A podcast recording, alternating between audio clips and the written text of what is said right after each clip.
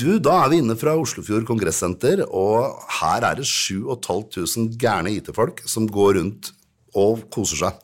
Og blant de finner vi selvfølgelig direktøren i eh, Dell. Geir, velkommen. Tusen takk.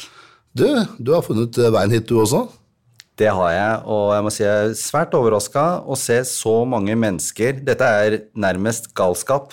det er vanvittig mange mennesker. Det er nesten som å være på klassefest. Du møter mange kjente her.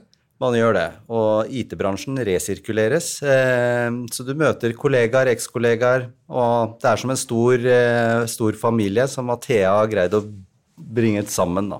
Akkurat i dag så er det vi som har bringt dem sammen, føler vi også. Du, jeg, vi stiller her så vi har tatt tak i noen toppledere eh, for de forskjellige store selskapene og, og, stiller inn noen spørsmål. Og når turen kommer til deg og Del, og da bare hopper jeg i det. Mm. Spørsmål 1. Hvordan leser dere IT-bransjen i dag kontra for ti år siden, og hvilken utvikling har vi hatt de siste ti årene?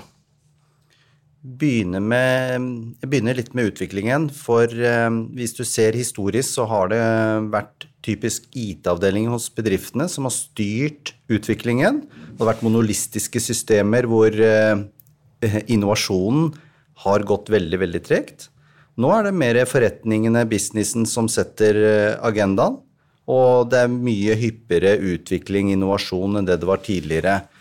Samtidig så er det mer usikkerhet i form av kompleksitet, eh, valg av modeller. Skal vi, skal vi, kjøpe, eller skal vi gå i en retning mer as a service? Ja, verden er uten tvil uten transformasjon. Men hvilke trender ser dere i dag, og hvordan tror du disse trendene vil utvikle seg de neste tre til fem årene? De trendene vi ser, eh, spesielt innenfor, eh, innenfor IT-løsninger, er jo at kundene ønsker ikke å forplikte seg for de fem-ti neste årene. De ønsker eh, en modell som gjør at de, de ikke må investere up front på svært kostbare løsninger, men mer konsumere og kunne endre over tid. Så det er kanskje noe av det viktigste. Og så er jo sikkerhet en viktig element. At du kan ikke bygge på sikkerheten i etterkant. Du kan gjøre det, men det blir ofte kost, mer kostbart og enda mer komplisert. Så man må tenke sikkerhet i alt man gjør. Jeg er veldig glad for at du tar med deg det punktet, for det, vi ser også det når du tenker sikkerhet. Når du lager løsningen, så blir det veldig mye bedre når du klatrer på etterpå. Det er, det er musikk. Du, hvordan påvirker IT-sikkerheten deres hverdag, da?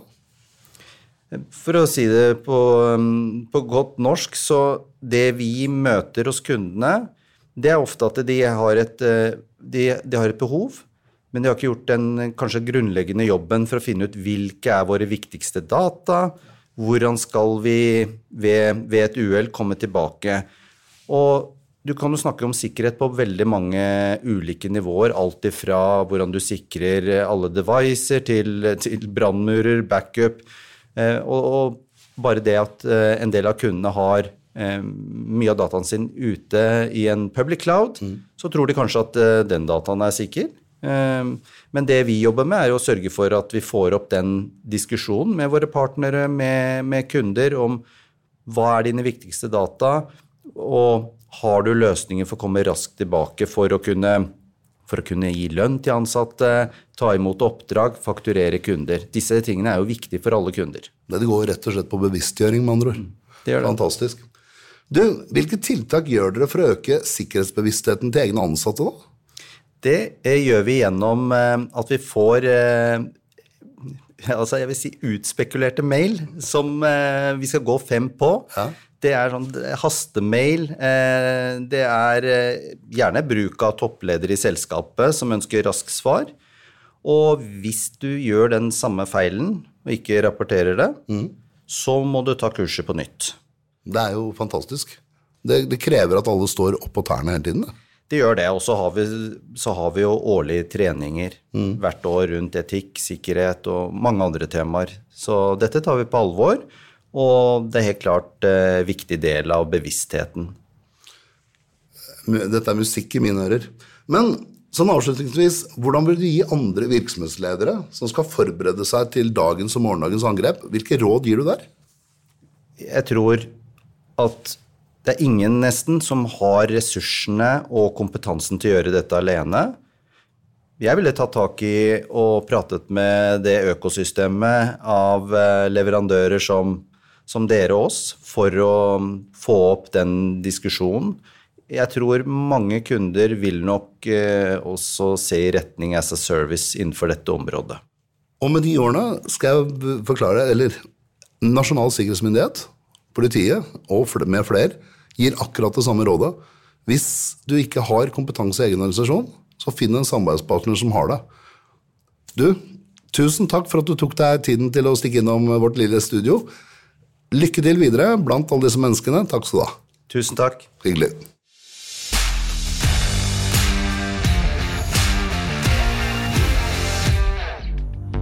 Hei og velkommen til årets nest siste episode av podkastserien Før alarmen går.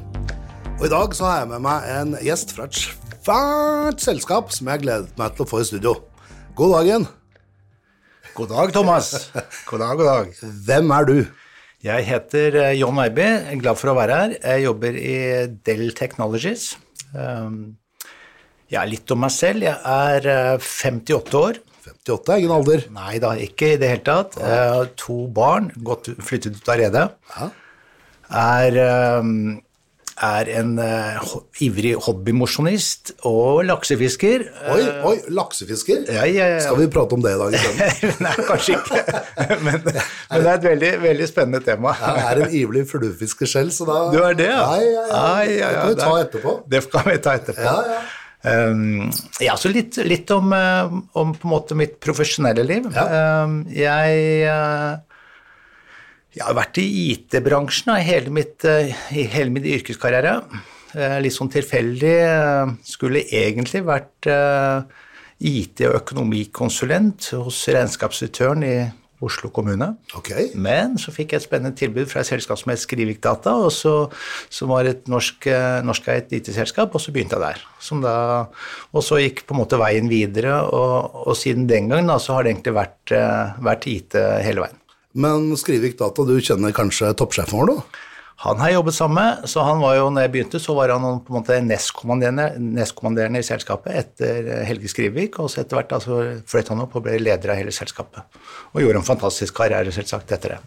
Steinar Sønsteby har jo hatt sitt eget podkast her også, og jeg, jeg får en sånn overraskende, imponerende følelse hver gang jeg prater med han.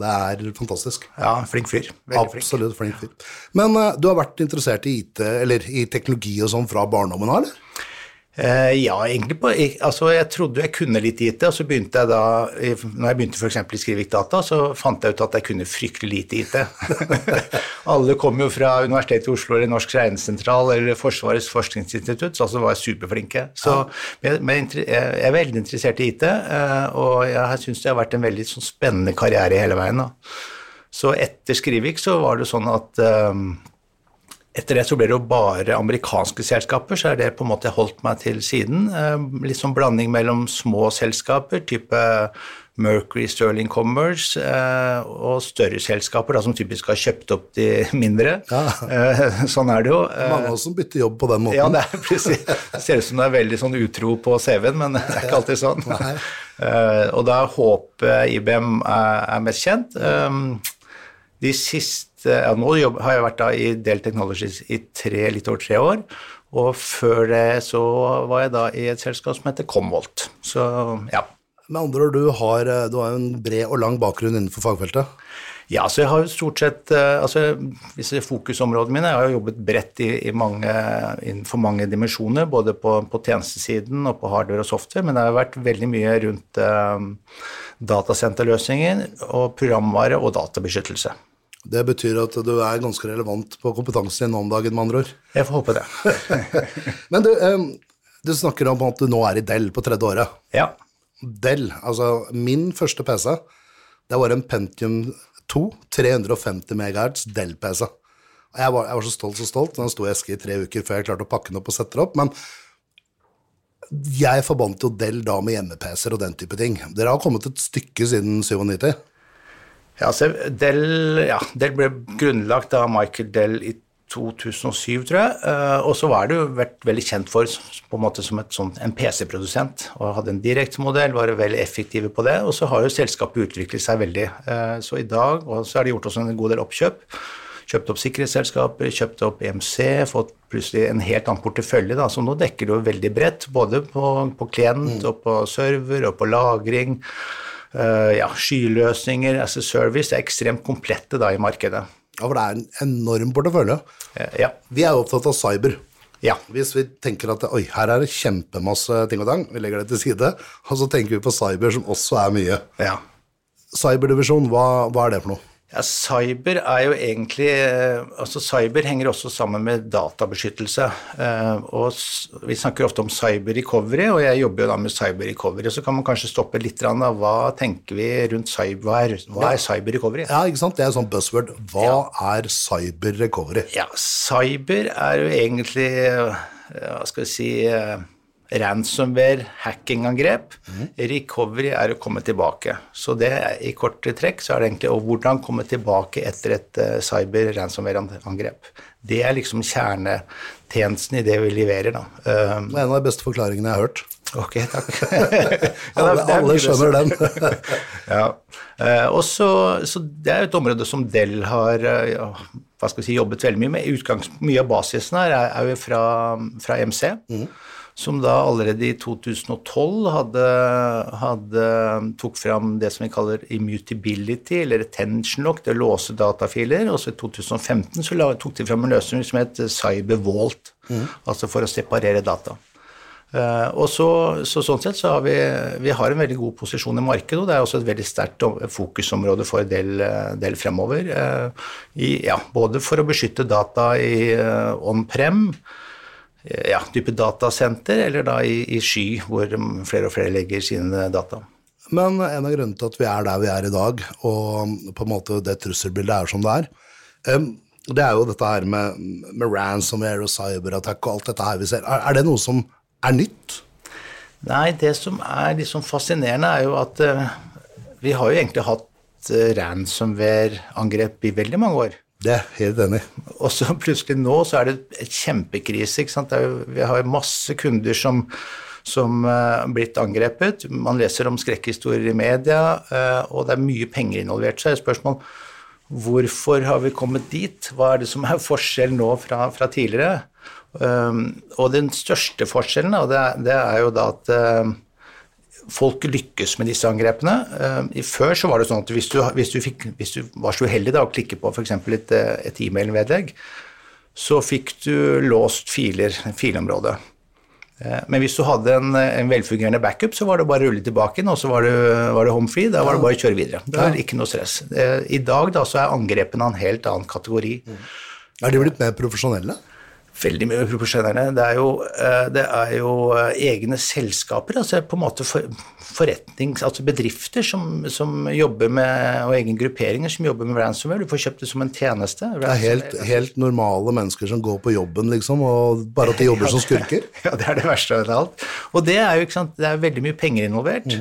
Um, så de angrepene som man ser i dag, da, det er jo ikke sånn at man som får et klikk, og så låser du filer. Det er folk da som skaffer seg tilganger i systemet ditt, kommer inn ofte via faktisk et klikk. Da. De, de klarer å få tak i informasjon, de avdekker sikkerhetsstrukturer, de gjør kartlegging. og Finner du ut åssen de skal gjøre mest mulig ugagn, ja, altså da, da er det jo, er det jo um, Når det er på en måte kommet inn i systemet ditt, da, så er det jo Det som er krise, da, det er jo at de tar bort da det som egentlig er uh, muligheten din for å komme tilbake igjen. Så de tar bort De får tilganger, øh, bruker lang tid, opptil i snitt tror jeg syv, syv måneder eller noe. Du får gjort litt ugagn på sju måneder, altså. Ja, de finner ut ganske mye på sju måneder. Det er ikke rart de lykkes, Nei, når de er så grundige. Nei, no? Det er jo blanding. Da. Noe er veldig enkle greier, no, men de avanserte angrepene er, er, er veldig krevende å beskytte seg mot. Og så tar du ut backupen din, og du merker ingenting før du da, når du går på produksjonssystemet ditt, da, så ok, da har du, da, du har ikke noen plan B. Du er helt fortapt. Og da er det jo er det jo fullstendig krise, selvsagt. Så det er liksom altså på en måte De, de tradisjonelle databeskyttelsesløsningene, altså backup recovery-løsningene, de holder ikke mål lenger. De klarer ikke å beskytte selskapene mot den type trusler. For det skurkene har funnet for gode metoder og metodikker til å på en måte skade mer. Ja, og så er det jo sånn at hvis, hvis det er mye penger involvert, hvis man har suksess, så tiltrekker det seg talent.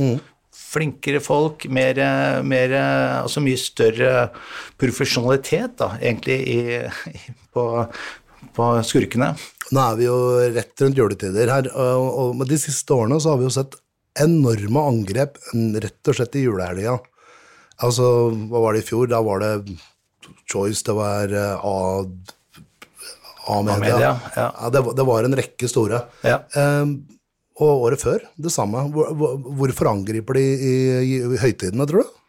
Ja, det kan jo være altså, høytider, ferietider, det kan ofte være at det er eh, hva skal vi si, vikarer, at det, de ikke er på en måte den bemanningen som det normalt sett er. Eh, ja, jeg vet ikke. Det er, det er ofte mye av de problemene man har på IT, er jo faktisk etter at du er ferdig med en ferie.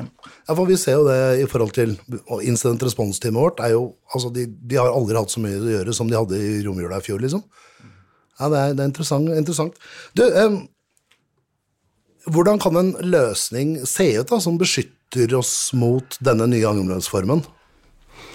Altså man, man må jo da, Det første er at man må, tenke, man må gjøre det vanskeligere for angriperne. Jeg vet at du har noen konsepter, skjønner du. Ja, så, så vi, vi, har, vi har noen konsepter, og det er jo det er greit å ha noe rammeverk å forholde seg til. Altså, man må gjøre det vanskeligere for angriperne, man må etablere no, en ekstra sikkerhet da, i forhold til det som vi har hatt av tradisjonelle løsninger. Eh, I Dell så har vi en, en uh, hva skal vi si, tilnærming da, som, uh, som vi syns fungerer ganske bra. Det er noe som heter god, bedre, best som er da eh, basert på en sånn stegvis tilnærming, eh, og som baserer seg på tre i-er. Uh, ene i-en er immutability, eh, altså det å ikke endre data, ikke kunne endre data, eh, og så er det i, for, altså isolasjon, eh, som er da for på en måte å separere data eh, fra produksjon, og så er det da intelligence, som er egentlig analyse. Så hvis man ja, kort, kort på en måte går, eh, forteller litt om de ulike nivåene her, så er det jo um, På god. På god så er det jo dette med å kunne låse backup-data. Det vil si at når du tar en backup, så låser du den Du setter en beskyttelse på de dataene, slik at ingen kan endre eller slette de dataene. Ikke du heller? Ikke jeg heller. Så, så, så der kan man bygge ganske bra sikkerhet rundt det. Er det, som, er det man kaller en sånn offline backup-tankegang? Ja, det, det blir mer Ikke nødvendigvis offline. Det kan, du, kan jo låse, du kan jo på en måte låse de filene selv om det ikke er, er offline. Du kan låse, låse backup-dataene dine slik at ingen kan endre det. Um, så høres jo det ut som det er en veldig bra sikring. Um, ja. Men det er ikke sikkert det er det. Den er god. den er god, fordi den er ikke, den er ikke mer enn god. Fordi de som Vi snakket om avansert angrep. De som er veldig gode, de finner måter å gå rundt det på. De kan finne måter å gå rundt det på, dvs. Si at de kan endre på systemklokker. altså Backupen ligger en viss tid, så endrer de på klokken, slik at man har plutselig så er det, ikke, er det ikke om to år, men det er i dag jeg får tilgang til filene mine.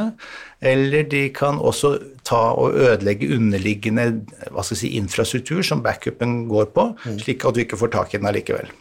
Eh, Så hvis man skal gå videre da, for å gjøre det enda bedre, så er det jo, det er jo veldig mange eksperter i, i, eh, her som har sterke meninger om sikkerhet. og Sånn som NSM og Gartner, Kripos og andre, de anbefaler da at backupen din bør da være isolert fra produksjonsnettet ditt. Vil si at du ikke, hvis du som angriper kommer inn i produksjonsnettet, så klarer du ikke å se denne backupen.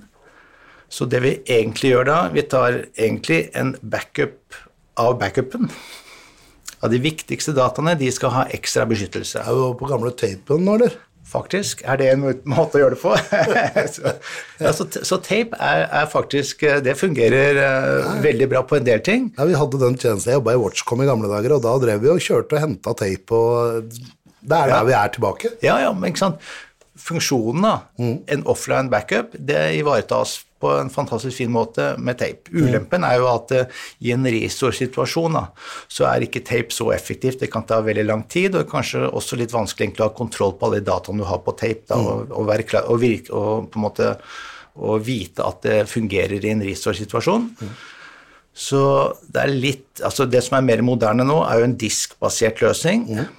Hvor man da egentlig setter opp en, en egen lagringsenhet, eh, hvor man da har eh, en backup av backupen. Du velger ut de viktigste dataene dine, de som du er avhengig av for å overleve. Ja, for det tror jeg vi må gå litt nærmere inn på, dette her. Men vi kan Ja. prate oss igjennom. Ja. Jeg vil også høre best, og så skal vi gå tilbake til det punktet her. Ja, men det skal man høre. Det, kan, ja, det er et veldig viktig punkt, da. Ja. Så, så um, uh, når vi da har på en måte, Vi har en ny, eller, uh, vi har en, en ny lagringsenhet hvor vi gjør på en måte da uttrekk av de viktigste dataene. Vi har da eh, etablert en mekanisme som heter airgap. Den skal jo da være offline. Vil si at vi har en forbindelse som da åpnes kun fra voltet. Vi snakker om et, digitalt hvelv, eller vault, eller digital safe. eh, Et, eh, et, et område som da ikke er tilgjengelig fra, fra produksjonssiden, som da åpnes, lukkes eh, automatisk. Kun, åpen kun når du overfører hva skal jeg si, endrede data, og dette er kryptert eh, forbindelse. Så sånn sett så er det en veldig sikker mekanisme for å overføre data. For du må jo ha oppdaterte data i back, av backupen. Ja, Så da ligger de da inne på, på i, i dette voltet, eh, og når vi ser volt, så er det Det høres ut som sånn type brannskap-type ting. Det er egentlig det Jeg ser for meg Norges Bank med en sånn ordentlig sånn derre Olsenbanden Frans Jæger fra ja, ja, 1920. ja, men ja, det gjorde jeg også da når jeg ble på en måte presentert for konseptet. Ofte så står dette ved siden av de andre serverne og de andre lagringsboksene dine. Eh, Så dette er på en måte Det er en digital sperre, men det er ikke på en måte en fysisk dimensjon i dette her egentlig. da. Og det er jo ofte praktisk å ha det nærme produksjon i forhold til overføringstider osv. Kan leve med en digital Frans Jæger, jeg, altså. Ja, det, den er digital Frans Jæger, definitivt. så da, da har du egentlig eh, flyttet dataene over der, og så har du da en, på en måte en, en, en sikker kopi som du da har, kan hente tilbake i en, en krisesituasjon. Så, så sånn sett så låste data som er offline, ikke tilgjengelig fra, fra produksjonssiden, du har kommet veldig langt med det. Det er, nå er vi på bedre. Nå er vi på bedre. Eh, hvis du sier best, hva, hvordan kan dette gjøres bedre? Jo, det er ett scenario da, som, er, som er ganske viktig å være klar over. Eh, og det er jo eh, Det kan jo være at du har fått eh, infisert infiserte data i dette voltet. Hvordan vet du at du ikke har fått infiserte data i voltet? Det, og, det, og dette her er ganske avanserte ting. Det? Man kan jo egentlig få filer inn i voltet hvor det ser tilsynelatende helt perfekt ut. Alle metadata, alt ser helt fint ut, men allikevel så er det da hva skal si, kryptovirus da, som er i de filene.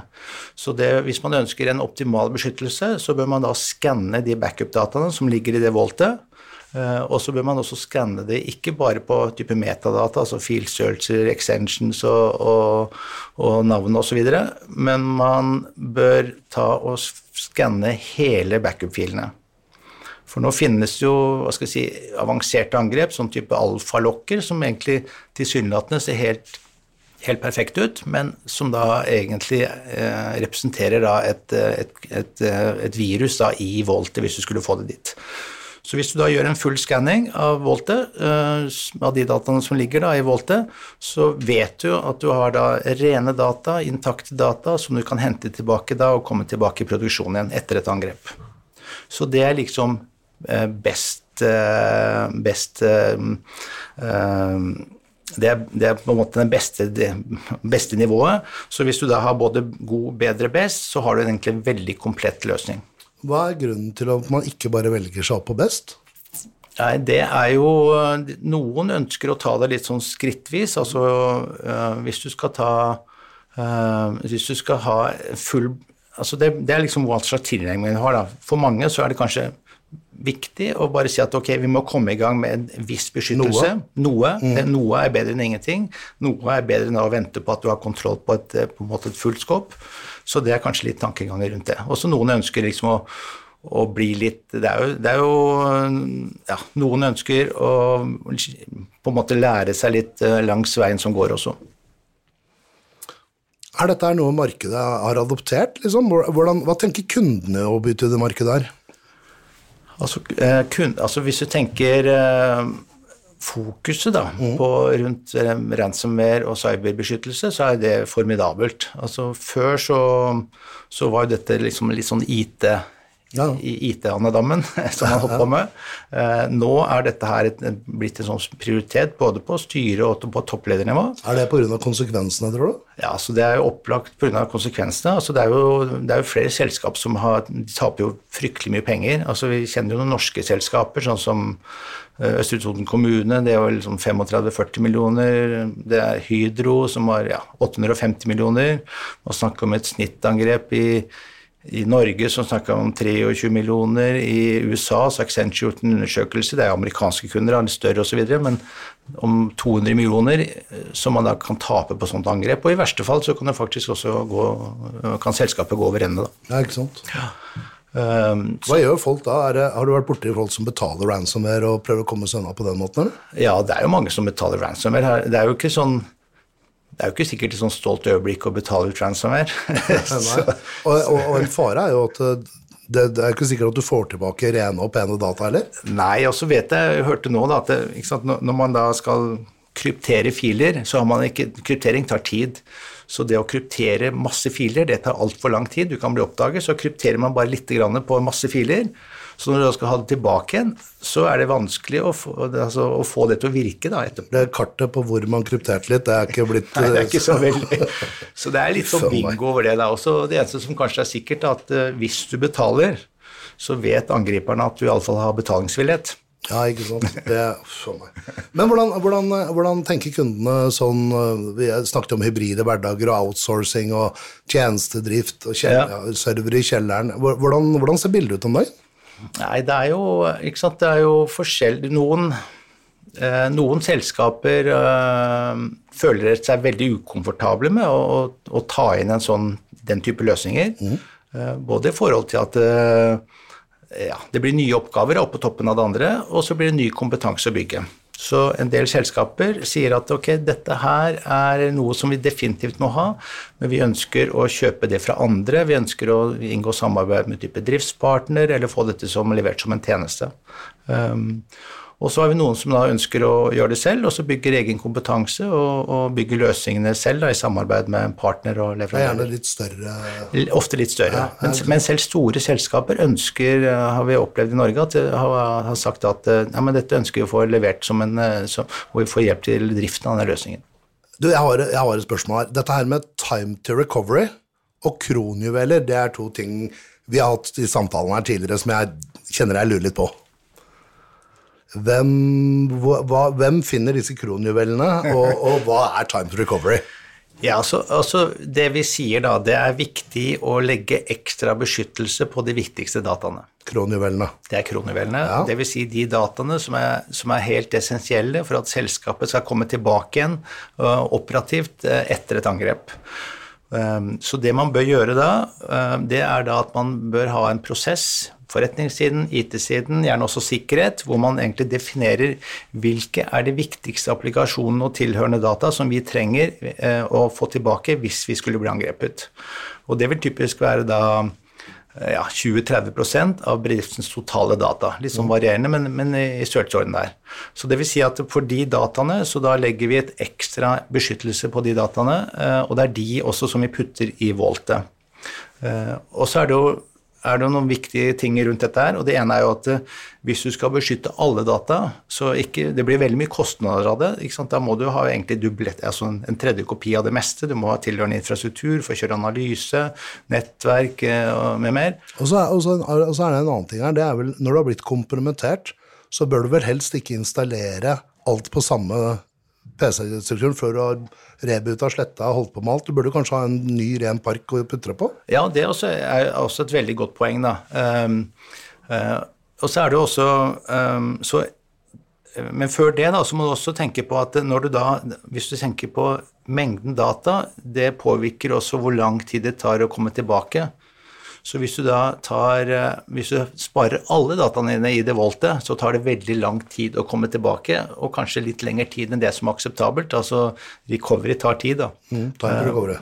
Ja, så time to recovery. Og så er det jo sånn som du sier, da, at eh, hvis du da har fått et angrep eh, og skal hente tilbake igjen, hvor skal du legge det? Ja, ikke sant? er, hvis, hvis hardwaren din er infisert, skal du da legge det over deg og gambler på det?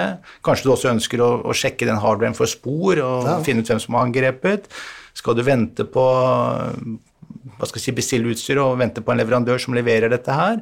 Eller skal man da på en måte være litt sånn proaktiv og, og sette opp kanskje en, en, en definert infrastruktur allerede nå, sånn såkalt uh, clean room, hvor det egentlig sier at dette skal være recovery-miljø som vi har, i tilfelle verste fall.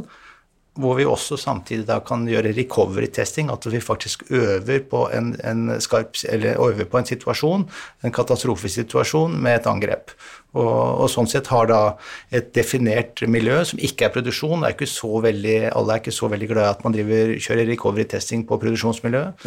Så, så, det, så det, er, det er noen Ja, det også kan være et godt tips å ta med seg, da. At man etablerer et eget clearroom for å, for å ha da egentlig tilgjengelig infrastruktur. Eh, Og da er det jo poeng at du, at du ikke har alle dataene, men det er bare på en måte et subset, altså de viktigste dataene dine da, i dette clean roomet. Driftskritisk informasjon, liksom. Ja, nettopp.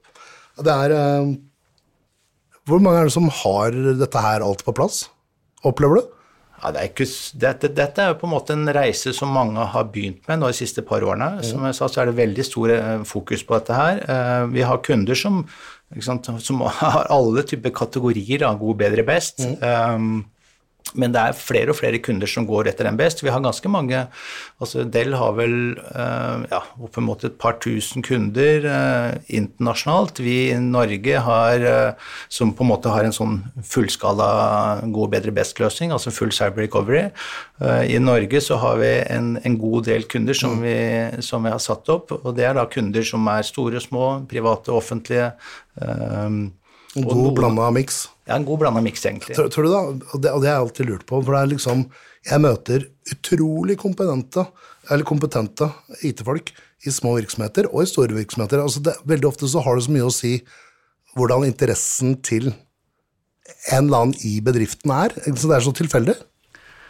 Ja, altså det er jo eh, Sånn sett så er det jo Du har jo noen sånne frontkjempere, og en del av de nye frontkjemperne som vi ser, da, det er jo faktisk sikkerhetsavdelingene. Så de tar mye mer eh, hva skal jeg si, eierskap og er mye mer bestemt da, i forhold til eh, resten av på selskapets vegne, i forhold til å bestemme hva er det som er eh, god sikring for, for selskapet og, og ikke.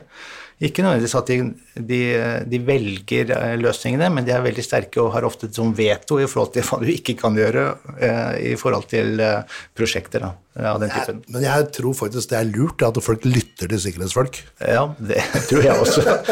De bør ha litt greie på det. De bør det. Du, vi har, vi har pratet oss igjennom, og jeg har, hatt, jeg har lært mye nytt. Jeg gleder meg over å spørre eksperter som deg, det, det gleder meg stort. Det å kunne gå på jobben og stille disse spørsmålene er fantastisk. Eh, Du, når jeg har folk som deg i studio, så pleier vi alltid å avslutte med et par litt sånn, litt sånn andre spørsmål. Eh, Og det første jeg stiller deg, det er hva er din favoritt smart device? ok. Ja, eh, altså hvis man skal være sånn helt objektiv, som alle burde jo svare at det er en smarttelefon. For den er på en måte blitt en del av hverdagen på en helt utrolig måte. Eh, Men jeg har egentlig en, eh, en smart device som ikke er så veldig smart nødvendigvis, men den er forbundet med ekstremt mye lykke. Oi, Ja, fantastisk gode assosiasjoner. Det er en digital fiskevekt. og så det å da henge en, en, en, en, ny, en, ny, en ny flott uh, laks oppi på vekta, og så da se på den fantastiske skapningen, og så, etter, og så veie den, og så se hvor stor den er, og så etterpå feire med øl og akevitt. Det er jo det er, ikke, det, er ikke så, det er ikke en smart device, men en fantastisk deilig device. For det er på en måte Du setter en ramme rundt en fantastisk opplevelse. Ja, det jeg kjenner jeg. kjenner det. Jeg, jeg, jeg, jeg kan se det for meg, det er ikke noe tvil om. Men du, hva er din, ditt beste tips til virksomhetsledere? Ja, så Det viktigste er jo Hvis du, ikke, hvis vi i dag da ikke har noe ekstra beskyttelse utover en sånn tradisjonell eh, databeskyttelse, type backup recovery-løsning, så bør man gjøre noe. Man må begynne å, å, bygge ekstra vern mot angrep, fordi du kommer til å bli angrepet. Det, er liksom, det sier alle ekspertene. Og så er det jo man bør Det finnes jo veldig mye, mye, god kompetanse der ute. altså NSM har jo kjørt veldig hardt nå i høst og prøvd å lære opp Norge på sikkerhet, og de har mye å bidra med. Eh, det er mange flinke konsulenter, det er mange flinke leverandører. Og det er også for en del kunder som vi har hatt mye erfaring med, det er, det er veldig mye læring også blant kunder å snakke med andre kunder. Mm. I forhold til å få noen tips da, på en sånn type reise eller sånn type prosjekt. Eh. Så, så det, er, eh, det, er, et tips. Et ja, type tredje tips er jo at vi har veldig god erfaring med den hva skal jeg si, tilnærmingen som vi har, som jeg nettopp har snakket om tidligere, altså god, bedre, best det gir en, en, sånn, si, en god ramme da, for mm. å se, se, prosessen rundt eh, bedre sikring. Og avslutningsvis da, så er jo dette med å, å trene. Ja. Hvis du skal bli veldig god på å komme tilbake etter et angrep, og håpe at du ikke blir det, men du må trene på det, du må vite hva du skal gjøre i en, i en skarp situasjon, og alt dette må være drilla, og sånn sett så er dette med trening er, er, er kjempeviktig. Det siste her er like viktig som juleevangeliet, det er det ingen tvil om. du Jon, tusen, tusen takk for at du tok deg turen til oss, og vi ses igjen, vi. Ja, men det var veldig hyggelig, Thomas. Tusen takk. Veldig bra. Og til lytterne der ute, stay tuned. Vi er straks på pletten med en ny episode.